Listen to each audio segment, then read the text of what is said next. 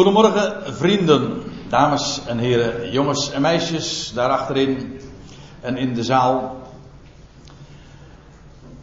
U hoeft er geen bang voor te wezen dat de, deze morgen u de ongezouten waarheid wordt verteld. Of mijn ongezouten mening, want ik wil u juist eens meenemen naar waarheid die juist wel gezouten is.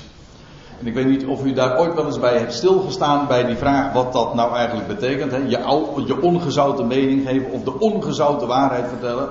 In ieder geval, het roept bij mij niet al te plezierige gevoelens op. Wanneer je zoiets hoort, de ongezouten. Dat, dat suggereert trouwens al dat dat woord zout iets positiefs moet zijn. En dat klopt ook. En daar wil ik ook wat meer over vertellen. Dat heeft heel veel aspecten. Ik wil dat niet allemaal bespreken. Maar om te beginnen, en dat is eigenlijk ook het startpunt voor deze studie, deze zaken die ik vanuit het woord, de Bijbel, met u wil delen. Colossense 4, vers 6. Daar lezen wij, als u een NBG-vertaling hebt, dan staat het tenminste op deze wijze weergegeven. Uw spreken zij ten alle tijde aangenaam, niet zouteloos. Gij moet weten hoe gij aan ieder het juiste antwoord moet geven. En dat gaat me met name om dat eerste zinsdeel. Niet alleen met name, maar eigenlijk uitsluitend om dat eerste zinsdeel. En daar wil ik eens wat meer, uh, over zeggen en u ook wat dieper in meenemen. U spreken zij ten alle tijden. Letterlijk staat er, ik heb hier een interlineair, dat wil zeggen, dit is de, de Griekse tekst, de tekst die Paulus ooit 2000 jaar geleden noteerde toen hij een brief schreef aan die Ecclesia, die gemeente in Colosse. Toen schreef hij deze woorden, er staat er letterlijk niet uw spreken, maar het woord van u zij altijd, die groene letters, dat is de meest letterlijke weergave dus, die blauwe, dat is de NBG-tekst. Vaak wat vrij weergegeven.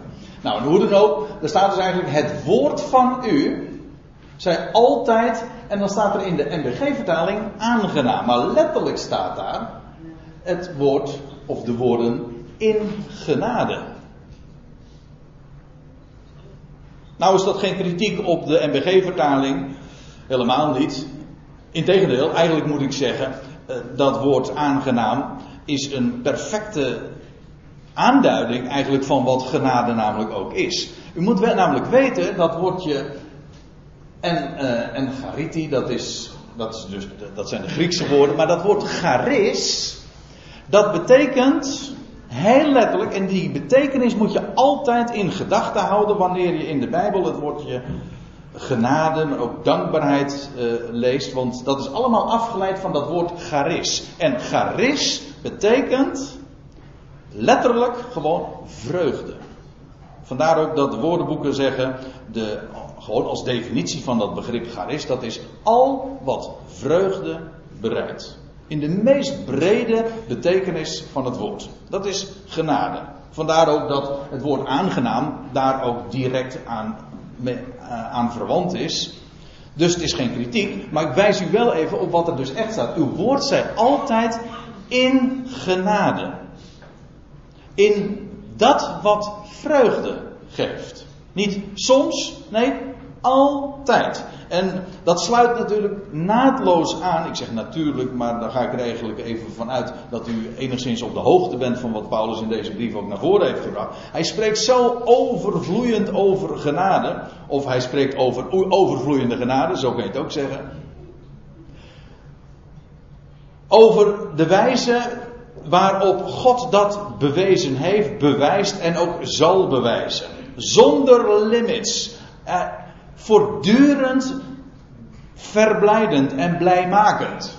En daarom zegt hij als weerslag, als je dat kent, als je daarvan op de hoogte bent, ja, dan zou dat ook zijn weerslag hebben, dan zal dat ook zijn weerslag hebben in je spreken. Als je genade kent, werkelijke vreugde, zal je, je spreken ook die, die toonhoogte gaan krijgen. Alt, namelijk altijd in genade. Er is namelijk genade plenty. overvloed. Dus wat weerhoudt ons ervan om niet alleen maar die vreugde te hebben, maar ook andere mensen blij te maken? Want er is, de grootste vreugde is altijd nog een ander blij te maken. Het is zaliger, dat is een ander woord in de, het boek Handelingen, lees je. Het is zaliger, letterlijk staat er, gelukkiger te geven dan te ontvangen. Het is heerlijk om zelf blij gemaakt te worden, maar het is nog veel mooier om een ander blij te maken. Dat is met recht dubbele vreugd. Het woord van u zei altijd in genade. Dat is dus wat er eigenlijk staat. Hè? In genade. En dan nog even verder, want daar wil ik dan ook nog wat uh, dieper op ingaan. Niet zouteloos.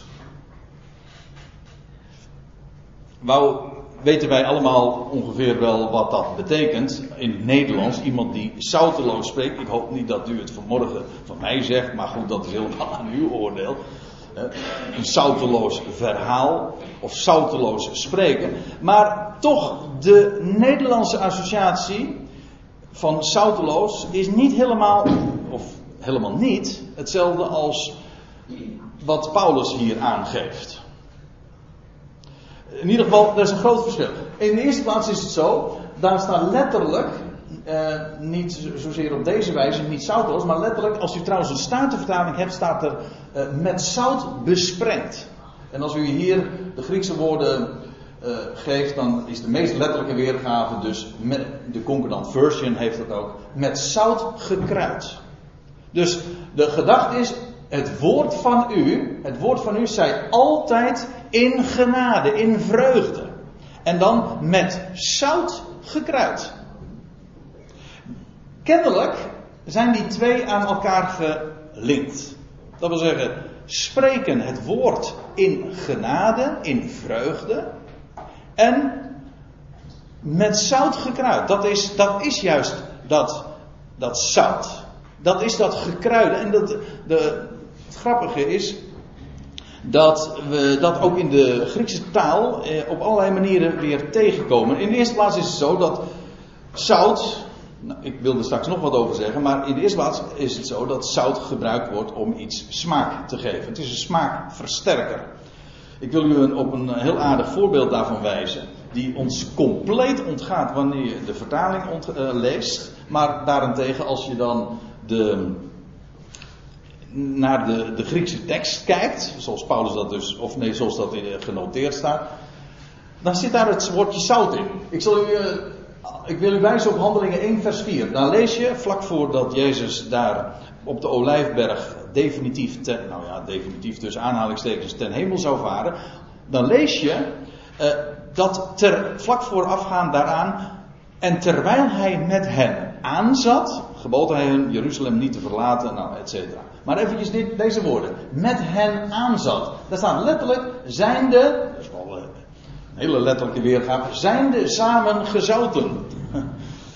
Het idee is, ze zaten daar bij elkaar, aanzitten met elkaar, dat wil zeggen, met elkaar de maaltijd gebruiken, maar dat doe je gezouten. Dat wil zeggen, als je met elkaar de maaltijd gebruikt, dan, dan is het, die maaltijd krijgt smaak, is goed, juist omdat er zout aan toegevoegd is. Dat, dat geeft het smaak. Dat is het idee. En dat zou je dus helemaal niet zo lezen als je dat dan uh, op deze wijze in de vertaling tot je neemt. Maar het staat er wel. Het idee is dus een maaltijd dat is iets wat met zout ook bereid is en smaak krijgt. Dat is de eerste betekenis van zout. Of althans de eerste betekenis die ik nu eventjes wil, op, uh, wil noemen. Juist ook omdat als Paulus zegt met zout gekruid, dan is daar daarbij ook de gedachte dat het smaak krijgt juist door het zout. Maar er is nog een andere betekenis van zout. En daar wil ik nu ook even op wijzen. Oh ja, even. Ik wil op een heel aantal plaatsen noemen. En dat is die van het bederfwerende. Dat is de functie van zout inmiddels, wij leven in een tijd waarin dat wat op de achtergrond is geraakt, doordat we vandaag allemaal koelkasten en vriezers hebben. Maar vroeger, voordat, voordat men uh, uh, gebruik kon maken van een koelkast, moesten dingen bewaard worden door het met zout te Pekelen, te zouten, ja, inderdaad. De dingen moesten worden ingezouten. Alles wat bederfwerend is, wat wij nu in de koelkast doen, of bijna alles wat we in de koelkast doen, dat moest vroeger, met name vlees, dat werd dus gepekeld, of in elk geval gezouten. Waarom? Wel, precies om dezelfde reden waarom wij het in de koelkast doen, opdat het bederf niet, uh, niet meteen zou intreden. Bederfwerend. Zout is bederfwerend. Dat is eigenlijk de oorspronkelijke betekenis en ook de meest belangrijke betekenis. Het is uh, juist bij, in de voorbereiding van deze, deze studie, van deze toespraak, heb ik me er nog eens mee bezig gehouden. Maar het blijkt dan ook dat zout vroeger ook. ik zeg nu, een, woordgrapje, maar dat schiet me zo ineens te, te binnen. Dat was peperduur. Uh, maar eigenlijk is het zo dat zout het was inderdaad het was, het was een hele kostbare aangelegenheid. En weet u dat zelfs ons woordje salaris, dat betekent salaris, dat komt van het woord zout. Men, men betaalde vroeger met zout. En dat was een, eh, een, een heel, heel kostbare, een hele kostbare zaak. En, en, en vandaar ook dat het als betaalmiddel diende. Ik wil u op een paar schriftplaatsen wijzen. En dan gaan we eerst even naar het Oude Testament. De Hebreeuwse Bijbel. Waar ook op die betekenis van dat zout gewezen wordt. En dan ga ik nu naar Leviticus 2. En als u die hoofdstukken leest, die bepaald niet boeiend zijn om voor te lezen, maar des te meer wanneer je onder de oppervlakte graaft. Want de rijkdommen, de echte schatten, de, echte goudkorrels, die vind je niet aan de oppervlakte, maar in de mijn. Dan moet je met passie inderdaad gaan graven. Maar daar vind je, ze ook, vind je het ook rijkelijk. Nou, in Leviticus 2, daar wordt gesproken over het spijsoffer. Ik ga u nou geen exposé geven over wat die offers allemaal betekenen. Maar één ding wil ik wel vertellen. Offers verwijzen per definitie naar hem die zijn leven gaf. Vandaar ook dat er altijd sprake, of nee, niet altijd, maar sprake is van slachting. Maar dat is niet wat het offer is. Het offer is juist wat daarna komt. Dat wanneer het opstijgt voor God voor een lief, tot een liefelijke reuk. Het is buitengewoon belangrijk om dat te zien, want dan zie je al dat die hele offerdienst, die Israël kende en die was voorgeschreven en waar allerlei details over worden gegeven in de Mosaïsche wetgeving, die offerdienst verwijst in al haar details naar hem die zou komen, die geslacht zou worden, gedood aan het kruis, inderdaad, er is al over gesproken. Daarmee de liefde van God voor deze wereld bewijzen. Hoeveel houdt God van deze wereld? Kijk naar Golgotha. Zoveel houdt Hij van jou en van deze hele wereld, van al die miljarden mensen. Dat is één ding. Maar dat is niet wat het offer is. Want Hij stierf. Waarom stierf Hij? Waarom moest hij sterven? Wel, om op te staan, om nieuw leven aan het licht te brengen. Leven dat de dood achter zich heeft. En daar verwijst de offerdienst naar. Dat wil zeggen, dat wat er volgt na de slachting. Als het vervolgens, nadat het dier geslacht is, opstijgt voor God tot een liefelijke reuk. Het spreekt van leven uit de dood. Nou, en dan zijn we in Leviticus 2 en dan, dan, dan, gaat het over het spijsoffer. En van het spijsoffer lees je dat het moest met olie, dat lees je meteen al in die eerste verse, met olie overgoten worden. Olie heeft trouwens ook alles weer te maken met, met nieuw leven, olijfolie, dat vitale, dat vitaliserende spul, weet u wel, wat uit de hemel zomaar komt. Ja, ik bedoel dat plukje, hè. het komt niet uit de aarde, dat is aardolie. Maar olie in de Bijbel, dat is dat is, spreekt van leven. Een olijfboom is ook een boom die eigenlijk nooit, dood, nooit doodgaat. Het is een, een, een boom die zichzelf regenereert. Leven. Nou, zo'n, zo'n, oh, dat spijsoffer werd overgoten met olie. Als ik het eigenlijk goed zeg, moest gezalfd worden. Dat wil zeggen, het moest een Mashiach worden. Want Mashiach of Messias of Christus betekent allemaal gezalfd. Nou, dat was wat de spijsoffer is. En dan lees je, want het is een beetje een lange aanloop, maar ik moet het even gezegd hebben. Dan staat het in vers 13 van hoofdstuk 2. En elke offergave van uw spijsoffer zult gij zouten. Gij zult het zout van het verbond van uw God aan uw spijsoffer niet laten ontbreken. Bij al uw offergaven zult gij zout voegen. En hier is de gedachte inderdaad die van smaak, maar, in, maar en dat zal ik vervolgens ook laten zien, van dat bederfwerende.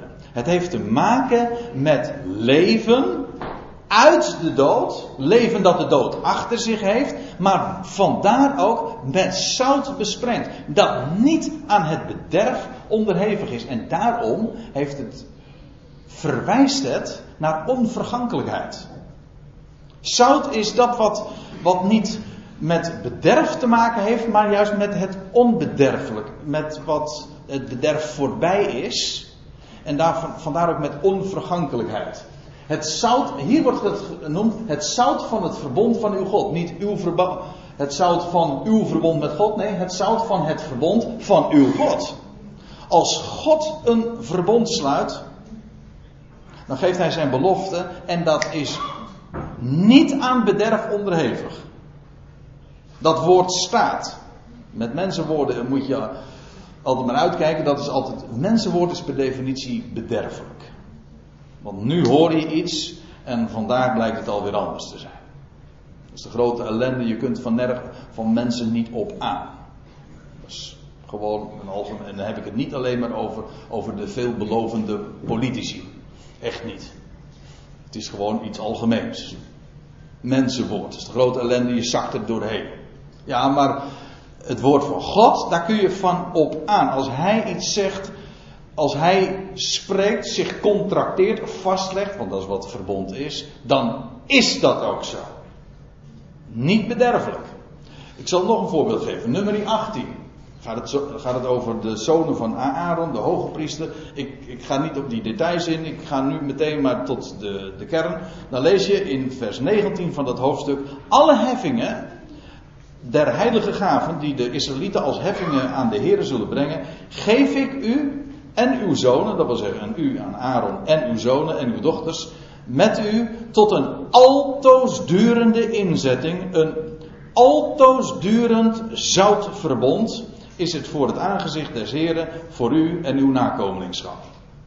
Nou, wat dit woord en wat de context ook wil zeggen, daar ga ik aan voorbij. Maar op één ding eh, kan niet missen. En dat is dat hier gesproken wordt over een zoutverbond. En het idee, zelfs al weet je helemaal niks van zout, één ding moet toch duidelijk zijn. Dat is dat zoutverbond kennelijk iets te maken heeft met iets wat niet voorbij gaat. Een altoosdurend zoutverbond. Eh, voor uw nakomelingschap. Dat wil zeggen, de generaties die gaan komen. Kijk, dat is nu weer typisch de mens. Want wij volgen elkaar op. Geslachten komen, geslachten gaan. Een mens is nu eenmaal bederfelijk. Ja, maar dit woord dat is een zoutverbond. Het doorstaat de dood, dat wil zeggen ook de generaties. Het blijft. Het is niet aan bederf onderhevig en vandaar zoutverbond. Zoutverbond wil zeggen, het, het, het blijft. Niet, het is onbedorven, het is uh, het zorgt er ook voor dat het bederf uh, geweerd wordt. Die, dat diezelfde uitdrukking komen we nog een keer tegen. Dat zoutverbond in 2 Kronieken 13. Nou, dan heb ik uh, twee of drie getuigen genoemd. En daarmee moet maar de zaak vaststaan. Toch? Hoe was het? Als, ik, als je iets wil bewijzen, dan moet je twee of drie getuigen hebben. Nou, ik, neem u, ik geef u twee, drie getuigen over die betekenis van dat zout. Zout heeft te maken met, met dat wat niet aan het bederf onderhevig is. En wat dat ook tegengaat. Hier wordt niet gesproken over het, in dit hoofdstuk bedoel ik, in dit vers, over het verbond met het met het huis van Aaron, maar over een ander verbond dat God gesloten heeft met het huis van David. Het, het koningshuis, de dynastie van David. En dan staat er, is het u niet bekend dat de Heere, de God van Israël, het koningschap over Israël voor altijd aan David gegeven heeft? Dat wil zeggen aan hem en zijn zaad. Aan hem en aan zijn zonen een zoutverbond ook hier weer wordt dat verbond dat God gesloten heeft met hier specifiek die dynastie, nou eigenlijk moet ik zeggen met David en zijn nageslacht, zijn huis, zijn koningshuis, dat is een zoutverbond. Ook hier is de gedachte weer, dat staat, is niet aan bederf onderhevig. Het staat nog steeds. Want weliswaar is die troon daar in Jeruzalem. Ja, ik, ik, wijs naar, ik weet niet eens of ik de goede kant op wijs. Want ik ben nu een beetje gedesoriënteerd, dat wil zeggen niet op het oosten gericht. Uh, want in elk geval in Jeruzalem, want daar was het huis van David gelokaliseerd. Daar regeerde David gedurende. Uh, dat huis heeft eeuwenlang gefunctioneerd. Maar die troon die staat al sinds duizenden jaren vakant. Maar ik zal u dit zeggen. De, de zoon van David, hij is er wel, alleen hij bevindt zich nu elders. En de tijd breekt niet over niet al te lange tijd aan dat hij acte de présence zal geven en zal verschijnen in Jeruzalem. En dan zal alsnog deze woorden waarheid blijken te zijn. Dat wil zeggen, de zoon van David, hij de laatste telg, maar dan ook de definitieve telg. Want het, hoe was het met al die zonen van David? Ja, die, die, die kwamen en ze gingen weer. Maar deze zoon van David, hij stond op uit de doden. Het was het eerste lied wat we zongen. Hij stond op uit de doden, Davids zoon. Ja, maar hij stond op om nooit meer te sterven. Hij heeft met recht de dood overwonnen. Het ligt achter hem. En hij is de laatste zoon van David. En hij zal verschijnen. En hij zal inderdaad alle beloften die God aan dat huis gegeven vervullen. Voor Israël en voor de hele volkerenwereld. Kortom, dat, dat, dat is met recht veelbelovend, maar daar kun je van op aan. Goed, zoutverbond. En dan wil ik nog iets noemen over zout. En dan gaan we naar 2 Koningen 2. Dat brengt ons bij een geschiedenis die ons verwijst naar de profeet Elisa. Gezondheid. Ja, we hebben het over gezondmakend zout. En ik zeg gezondheid, als ik dat zo hoor. Maar in 2 Koningen 2, daar vinden we van die schitterende, maar ook van die merkwaardige geschiedenissen verteld, uh, verhaald over Elisa. En dan lees je dat hij, vers 19, in, uh, in Jericho komt. En dan staat er in vers 19, de mannen van de stad, en dan gaat het over Jericho.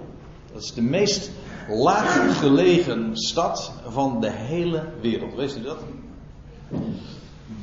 Bijna 300 meter beneden de zeespiegel. Er is geen stad die zo diep gezonken is als die stad. Zo laag ligt ook zo nabij de dood is. Want voor de, degenen die er wel eens geweest zijn, en anders weet u dat misschien wel van de landkaart. Jericho ligt vlakbij de dode zee, die niet, met uh, die niet voor niks zo heet. Dat komt omdat die zee volstrekt dood is. Nou, daar ligt Jericho bij. Had trouwens ook alles met zout te maken. Maar dat is nog weer een ander verhaal. Hoe dan ook, Jericho is er eigenlijk een beeld van deze wereld. Nabij de dood, diep gezonken. Een stad die eigenlijk er ook bij die gelegenheid niet eens had mogen zijn. Maar nou zeg ik een beetje te veel, want ik kan het niet toelichten nu. Maar goed, vers 19. De mannen van de stad, Jericho, zeiden tot Elisa: Zie toch, de ligging van de stad is goed. Het is een prachtige stad. Als je, daar, eh, als je vanuit de woestijn, die echt heel dor en droog is, daar bij de, vlak bij de Dode Zee. Als je daar komt, dan zie je daar zo'n oase van allemaal palmbomen. Het wordt ook de palmstad genoemd, ook in de Bijbel. En dan zie je, dit, dit plaatje, dat is inderdaad ook Jericho. En dan zeggen ze, zie de ligging van de stad is goed, zoals mijn heer, dat is dus Elisa, zoals mijn heer ziet, maar het water is slecht, het water is kwaad. Wat bedoelen ze daarmee? Nou, de landstreek veroorzaakt misgeboorte.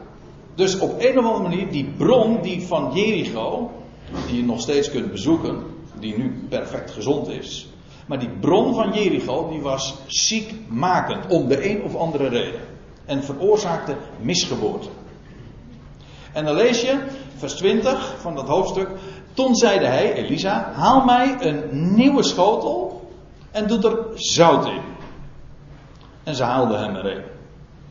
En daarop ging hij naar de waterwel, de waterbron dus, wierp het zout daarin en zeide, zo zegt de Heer.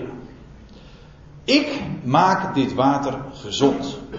Daaruit zal geen dood of misgeboorte meer voortkomen.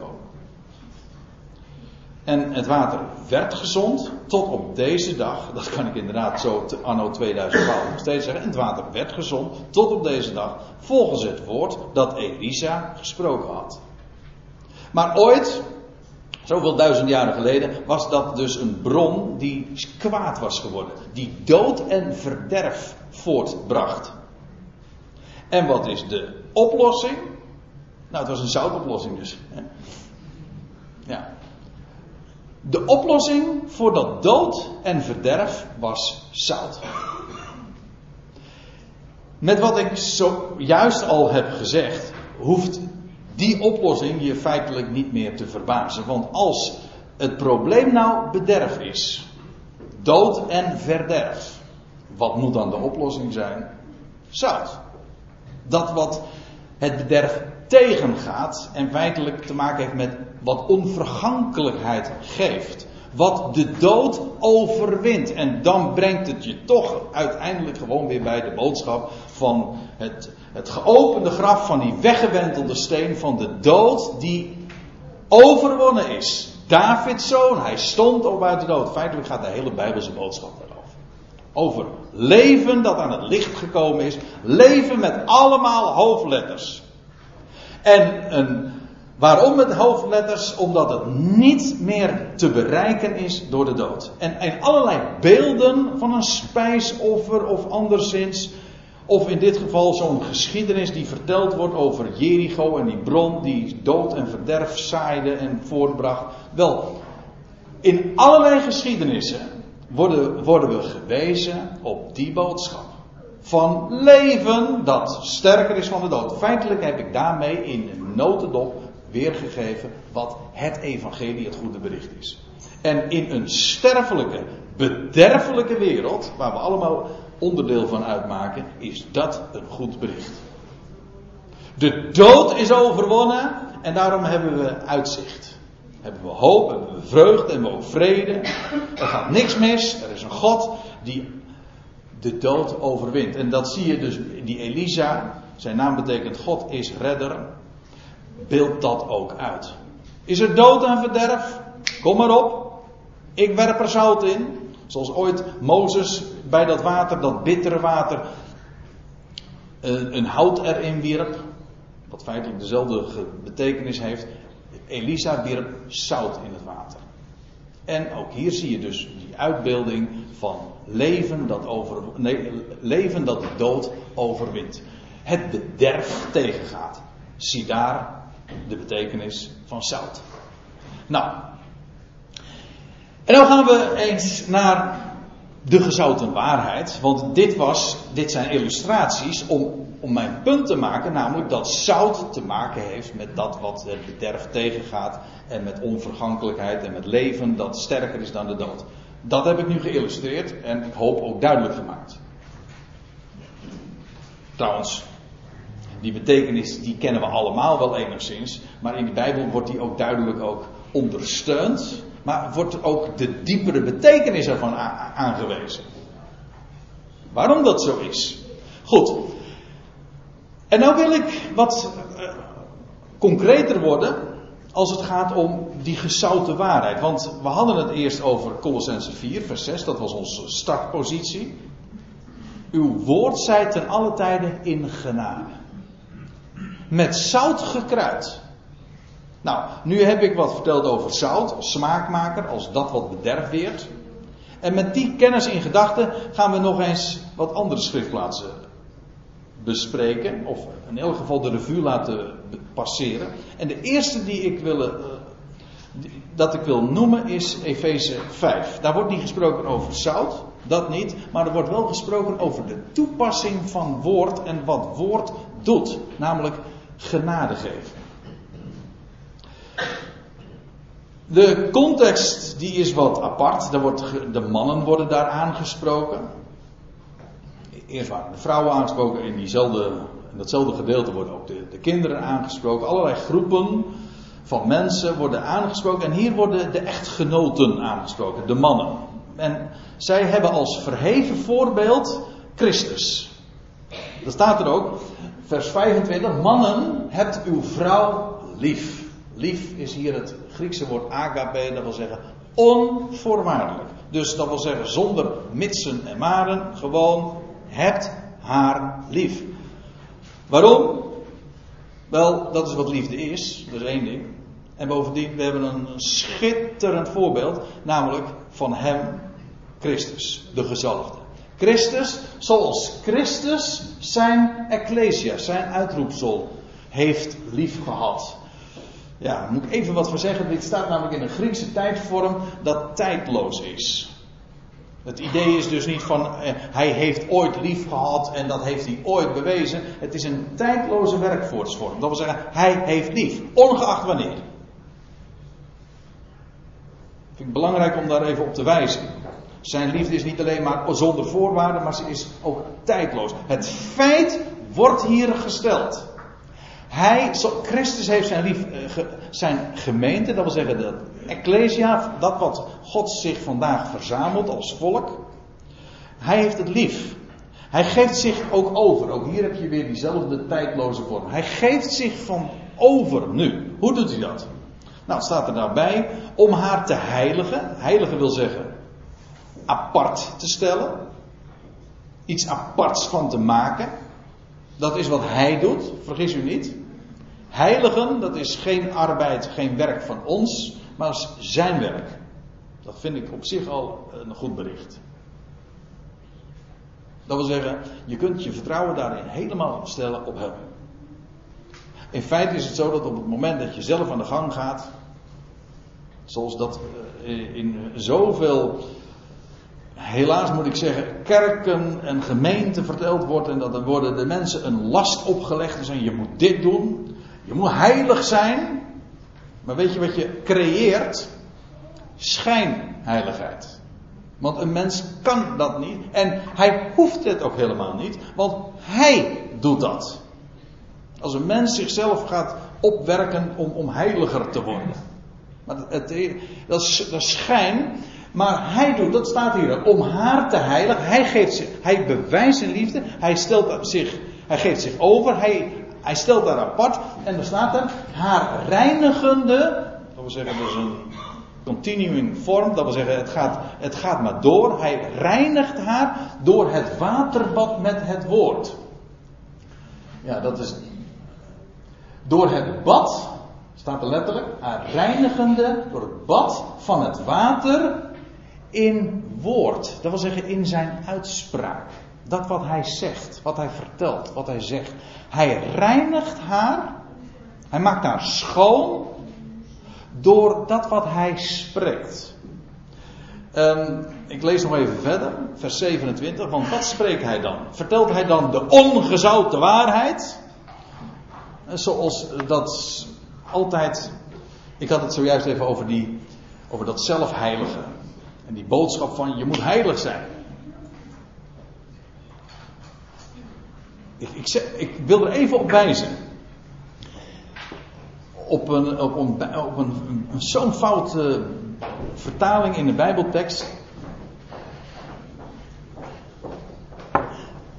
Er staat in ons, eh, als u een MBG-vertaling hebt, dan staat er ergens in 1 Petrus 1.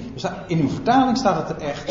U moet het met een rode streep. Nou, u moet niks, maar streep dat door met een rode, uh, met een rode pen, zodat het duidelijk aangegeven is. Want er staat namelijk in de vertaling: uh, wees heilig, want ik ben heilig.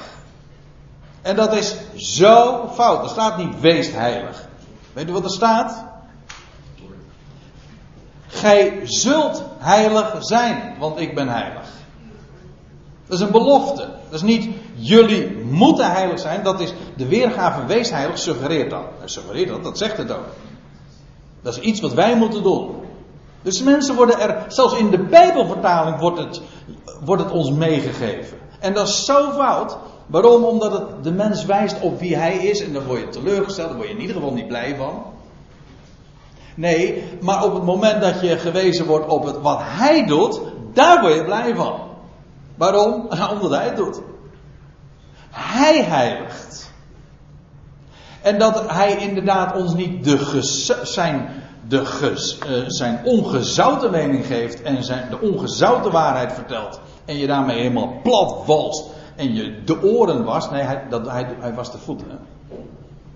Hij is nederig, hij maakt blij. En wat doet hij?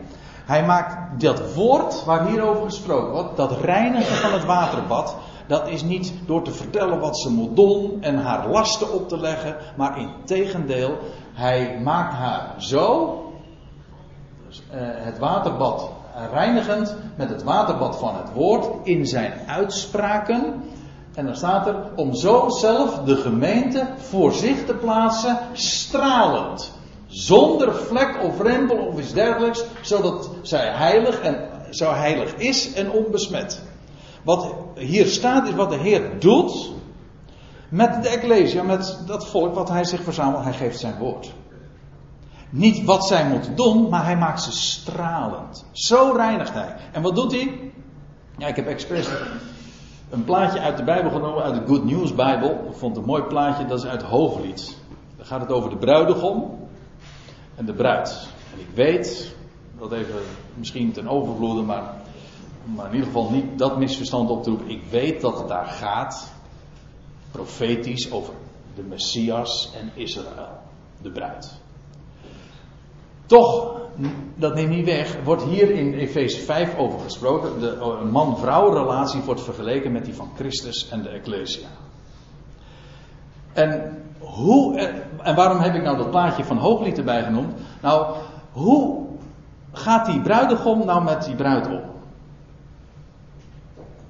Legt hij haar lasten op? Nee, moet je eens opletten als je dat boek leest. Hij verklaart haar zijn liefde. En dan zegt hij, ik heb maar één, één voorbeeld gegeven, of ik geef hier één voorbeeld. Dan zegt hij, alles is schoon aan u, mijn liefste, zonder enig gebrek zijt gij. Nou ja, ik geef nu één citaat, maar uh, eigenlijk het, het, hele boek is één grote lofzang op de bruid en op de, anderzijds dan ook op de bruidegom, want die liefde van de bruidegom roept ook de liefde van de bruid weer wakker. Het is een prachtig boek, het is, het is liefde, maar juist Daardoor wordt die bruid ook gevormd. En dan staat er: alles is schoon aan u, mijn liefde, zonder enige gij. En dat is precies ook wat de Heer tegen de Ecclesia zegt. Niet wat zij moet doen, maar wat zij voor hem betekent. En als er een gebrek is, geen probleem, want wat wij tekort komen, dat heeft hij meer dan genoeg. Daarom kan hij ook zeggen, zonder gebrek zijn, jullie. Er zijn gebreken. Natuurlijk, want als we gewoon kijken, als we dan in de spiegel kijken, eh, en dat bedoel ik ook overdrachtelijk, en je, en je merkt op jezelf, je falen, je tekortkomingen, daar word je niet blij van. Maar op het moment, kijk, en, dat, en dan word je besmeurd, vies. Dan wordt je zelfbeeld, om even in de beeldspraak te blijven, dan wordt je zelfbeeld weer door besmeurd. Door gewoon door in de spiegel te kijken, door te zien op wie jij bent. Maar op het moment dat je zijn woord tot je neemt, zijn woord van genade, dat wat hij, wat wij voor hem betekenen, wie wij zijn, gewoon volmaakt. Dat zijn wij in zijn ogen, dat zegt hij. En dan worden we blij. Heb je, kom je tekort? No problem. Ik geef jou wat jij, wat jij niet, wat jij tekort komt. En als jij iets niet kunt, ook geen probleem. Sterker nog, des te beter. Dat is een mooie gelegenheid voor mij dat ik het ga doen. Kijk, daar word je toch blij van? Van zo'n woord. Er zijn geen, uh, er zijn geen beperkingen aan zijn liefde. En dat is wat hij verklaart. Mijn woord. En zo maakt hij die, die gemeente stralend. Op het moment dat je verneemt van wie wij voor Hem zijn, volmaakt en wat Hij van ons gaat maken. En zo ziet Hij ons. Hij ziet ons niet aan in ons verleden, Hij ziet ons aan in de toekomst. Hij weet wat wij zullen worden. En zo ziet hij ons nu al en zo maakt hij ons ook. En dat is helemaal voor zijn rekening. En waar we toe worden opgeroepen is om daar naar te luisteren. En dat vormt ons, dat reinigt ons, dat doet ons stralen, dat maakt ons zonder vlek, zonder rimpel, zonder, zonder, enig, uh, zonder enig gebrek. Dat zijn zijn woorden. Heerlijk als je in dat bad, zeg maar, een duik mag nemen. Daar word je inderdaad schoon van, helemaal rein. Daar wordt je zelfbeeld. Ja, als we het, dat is een wat uh, psychologisch belaste term. Maar als je het eventjes ontdoet van al die, dat, die smerigheid zeg maar, van de psychologie, maar juist het geestelijk invult. Ik bedoel, dit, als je het, dat begrip invult met het woord, hij vormt ons zelfbeeld. Wie ik ben, dat, dat maak ik niet op door mijn eigen analyse, door in de spiegel te kijken. Maar dat maak ik op uit zijn uitspraken. Hoe hij mij ziet. Hoe hij ons ziet. En onze gebreken zijn geen enkele belemmering voor hem. Integendeel, ze zijn voor hem juist een aanleiding om zijn liefde des te meer te bewijzen. Kortom, kijk, dat is het woord van genade. Dat maakt blij. Geeft smaak aan ons leven ook. Het is ook inderdaad niet aan bederf onderhevig, want het wijst niet op onze onvolmaaktheid, het wijst op zijn volmaaktheid. En dat is meer dan genoeg. Ik wil op nog een schriftplaats wijzen. Efeze 4. Efeze 4, vers 29. En ik weet dat sommige mensen, en vooral als je gevormd bent in, in, in, in een godsdienstige context. Ik zeg het met expres uh, een beetje algemeen. Want dat kan allerlei achtergronden hebben. Maar als je een godsdienstige achtergrond hebt. Dan, heb je, dan, dan ben je soms uh, al bij voorbaat uh, verpest. Waarom? Omdat het je van die wettische oren heeft. En zelfs als je de Bijbel opent, luister je met wettische oren. En als hij zijn woord aan je gaat toepassen, dan maakt hij je daar ook schoon van. Van al die wettische ballast. Want er is niets wat zo veroordeelt, wat zo bevuilt, als juist die wettische woorden. Wijzen op wat jij tekort komt. En vandaar ook altijd weer veroordelingen. Wat je daarom moet doen. Maar je dan, wat je alleen maar meer frustreert. Nou, dat is een vicieuze cirkel die neerwaarts gaat. Een neerwaartse spiraal. Maar goed, Efeze 4 vers 9. Dan, zegt, dan laat Paulus zien wat de uitwerking is van genade. En dan zegt hij, nou geen liederlijk woord komen uit uw mond. Maar dat woord liederlijk, ja dat heeft bij ons een wat, wat, wat zedige of, onzedige uh, klank in de oren. Maar letterlijk staat daar het woordje verrot. Elders in de Bijbel, in de Jacobusbrief, wordt het, ditzelfde Griekse woord wordt ook vertaald met verrot. Dat kon het ook niet anders, want dat is namelijk de betekenis van het woord. En, een, en liederlijk is eigenlijk, en als we het dan toch over die beeldspraak van zuur en zout hebben, liederlijk is eigenlijk wat zuur is. Het is dus niet zozeer onkuis, maar het is bedorven, verrot. En iets wat bedorven is, dat is zuur, nietwaar? Ik heb, uh, u ziet het misschien niet helemaal, maar het plaatje wat, het, wat er op de achtergrond, dat is een pak melk dat over de datum is. En dan weet je meteen wat ik bedoel. Dan is het zuur.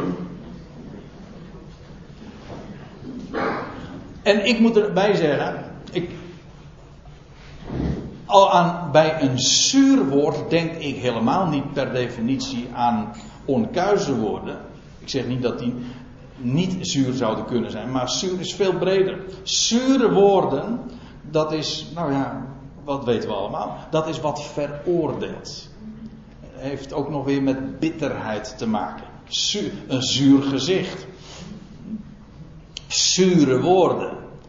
Wat veroordeelt, wat niet bepaald blij maakt. Verwijten. Geen zuur woord komen uit uw mond. Maar, en dat is de tegenstelling. Dus de uitwerking dus van genade. Nou, dan komt er geen. Dat is, dan ken je een gezout woord. En dat is juist het tegendeel. Want laat ik dan meteen even de tegenstelling uh, duidelijk maken. En je hebt aan de ene kant zure woorden, verrot, bedorven. En aan de andere kant, zuur staat tegenover zout. Ik weet niet of u er zo wel eens tegenaan gekeken hebt, maar dat doe ik bij deze dan toch. En het is er heel gemakkelijk uit te leggen. En als je nu even de, de draad gewoon vasthoudt en de lijn doortrekt die ik tot dusver heb gevolgd, dan zie je het ook om ogenblikkelijk. Want zuur heeft te maken met bederf, zout heeft juist te maken met dat wat bederverend is. Ja, ik heb expres nog het plaatje van een matse erbij genoemd, want wat is een matse? Ongezuurd brood. Een ongezuurd brood, dat daar zit geen zuurdezem in. Dan geen gist. Gist heeft trouwens ook weer met het verleden te maken. Gisteren. Met het verleden. Wat niet aan bederf onderhevig is. Een matse, dat, die hoef je niet in de koelkast te doen, dat blijft altijd maar goed. In tegenstelling tot gewoon brood waar wel gist in zit. Nou, dat is zuur en zout. Maar geen zuur woord, geen bedorven woord komen uit uw mond. Maar als gij een goed woord hebt tot opbouw. Dan zie je meteen ook wat de tegenstelling is. Aan de ene kant zuur woorden en aan de andere kant een goed woord. En wat is een goed woord? Wel dat wat opbouwt. Waar dit nuttig is, letterlijk staat er waar daar behoefte is. Opdat zij die het horen genade ontvangen. En nou zijn we weer terug bij af. Want daar hadden we het over. Over die gezouten woorden. Met wat met zout besprengd is. Dat zijn woorden in genade. Dat wil zeggen, die vreugde geven. Dat is namelijk wat opbouwt. Niet de zure verwijten. eigenlijk wordt de, de communicatie in het algemeen. Tussen gelovigen onderling tussen man en vrouw, tussen ouders en kinderen, op de werkvloer. Die woorden zijn wereldlingen als we allemaal zijn. Zozeer worden ze gekenmerkt door zuur. Zure woorden. Altijd maar. Dat veroordelen. Dat afbrekende. Ik heb juist gisteren een blogje daarover geschreven, ook in de voorbereiding daarmee.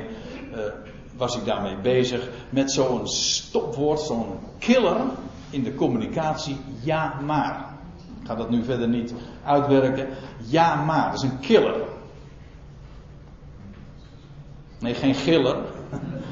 Een killer. Dat wil zeggen, ja maar betekent gewoon nee, dus een hele verpakte manier van nee zeggen. Je kan, je, je kan let, let maar eens op en pas het maar eens toe. Het woord ja maar kun je zonder moeite altijd zomaar vervangen door nee, want. Zelden. Echt waar. En ja, maar, weet je, dan krijg je. En dan, eh, ik heb het zo dikwijls ook gehoord in, in, in predikaties. Als je dan in de kerk bent en dan vertelt de dominee prachtige dingen. Dan begint hij met prachtige dingen te vertellen over het evangelie. En dan vervolgens, ja, maar.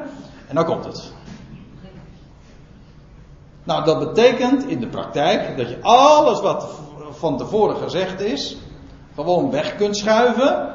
Dat wordt namelijk gewoon vergeten, want alles, nou, het is, niet zo'n um, zo'n nette uitdrukking, maar de Engelsen plegen te zeggen: everything you say before but is bullshit. Het is waar, want men vergeet het. Wat, want wat er uh, dan onthouden wordt, is wat er na komt. Ja, dat is allemaal prachtig, maar je moet er toch wel wat voor doen. Dat zou maar makkelijk zijn. En dan, dan volgen er allemaal weer van die mitsen en maren. Dat is een afbreik. Dat is zuur. Dan kun je wel met mooie dingen beginnen, maar uiteindelijk wordt het weer zuur. Maar ons woord zij ten alle tijden in genade, in vreugde. Daar is ook alle reden voor. En daarom, wij bouwen elkaar mee, daarmee op. En nogmaals, dat wat er aan ons ontbreekt, en ik hoef u niet te vertellen dat dat meer dan genoeg is. En degenen die mij goed kennen, die zeggen van ja André, ik weet waar je het over hebt. Zo, dat is toch zo? We zijn mensen met beperkingen. Dit is nog lang niet met ons klaar. Maar dat is geen probleem. Want wij hebben een woord van hoop, van bemoediging. En kun je iets niet? Hij kan het wel. Daarom vestig je oog gewoon op hem. Kijk, dat, dat zijn uh, verblijdende dingen. Dus een woord namelijk ook altijd van hoop. En daardoor staat er ook tot opbouw waar daar behoefte is. En dat zij die het horen genade ontvangen. Blij worden. Ook in de opvoeding. Als mensen zeggen wel eens een keertje, ja maar opvoeden, dan heb je toch wet voor nodig. Dan zeg ik, ik geloof er niks van. Juist bij opvoeden, Paulus spreekt ook over opvoedende genade. Door je kinderen niet te vertellen van wat ze moeten doen, maar wie ze zijn. Wat zij voor jou betekenen. Wat God met hen voor heeft. Zijn belofte. Wijs hen daar maar op. Dus kijken wat dat kan uitwerken in een mensenleven. Genade. En als ze er, en als ze de, de kop in de wind gooien, zoals we dat dan zeggen. Nou en, dan heb je nog een woord van genade. Overlaat ze daar maar mee. Met een woord dat onvoorwaardelijk is. Dat is opvoedende genade. Vertel ze niet wat ze moeten doen, maar vertel ze de waarheid. De gezouten waarheid. Ja, dat is een genade in opvoeding, genade in de communicatie, een woord tot opbouw. Opdat zij die het horen, ongeacht wanneer en bij welke gelegenheid of in welke context, genade ontvangen, blij worden. En tenslotte wil ik wijzen op Colossense 3, vers 16. En dan is het voor uh, deze morgen, uh, wat dat betreft, mooi geweest, denk ik. Daar staat dit. En dat lijkt me een hele aardige afsluiter. Het woord van Christus, maar daar hadden we het al over, dat wat Hij ons te melden heeft, waarmee Hij ons reinigt, namelijk het woord van Zijn genade, waar Hij ons stralend mee maakt, het woord van Christus, dat wonen rijkelijk in u. Dat wil zeggen, dat je, dat je daarmee vervuld bent en zo rijk, zelfs overvloeiend, zodat je het ook aan anderen spreekt. Het woord van Christus wonen rijkelijk in u, zodat gij in alle wijsheid elkaar leert. En dan staat er in onze vertaling terechtwijst, maar dat is veel te veel dit. Het staat er ook niet in het Grieks, kijk het maar na. Daar staat eigenlijk een woord dat betekent attenderen. Dat is niet dit, maar dat is kijk, dit ergens op wijzen. Op attenderen, op zijn woord van genade. Terechtwijzen, dat is meteen van jij doet het niet goed en je moet het zussen. Nee, het attenderen is wijzen, de aandacht geven aan zijn woord. Van genade, van vreugde. Het woord van Christus wonen rijkelijk in u, zodat in alle wijzen elkaar leert en attendeert dus ik vind nog veel mooie rijm ook. Leert en attendeert. En met psalmen, lofzangen en geestelijke liederen en alles wat er maar muzikaal uit de kast te trekken is, zal ik maar zeggen, in met mijn eigen woorden. Want dan komt er met recht ook vreugde in je leven. Want als je genade kent, dan ontstaat er een lied. Uh, en met psalmen, lofzangen en geestelijke liederen zingende, want dat lied ontstaat dan in het hart. Gode dank brengt in uw harten. En dan wijs ik tenslotte nog weer even op dit gegeven waar ik mee begon. Namelijk dat het woordje Heer, dank, daar staat gewoon het woordje charis weer. Namelijk vreugde. De weerslag van, van vreugde die je ontvangt uit zich vervolgens in dankbaarheid. Charis en eucharis. Maar het is allemaal vreugde. Vreugde die je ontvangt en vreugde die je vervolgens weer doorgeeft. Kijk, een leven op dat niveau met een woord van genade, waardoor je stralend wordt en vervolgens daar ook uit mag leven. Een woord dat onbedorven is, niet zuur, maar juist blij maakt en blijdschap geeft. Onophoudelijk en zonder dat het bederf intreedt. Dat is zuur. Kijk, dat is een woord van hoop, dat is een woord van leven. En ik stel voor dat we daar ook een lied van gaan zingen.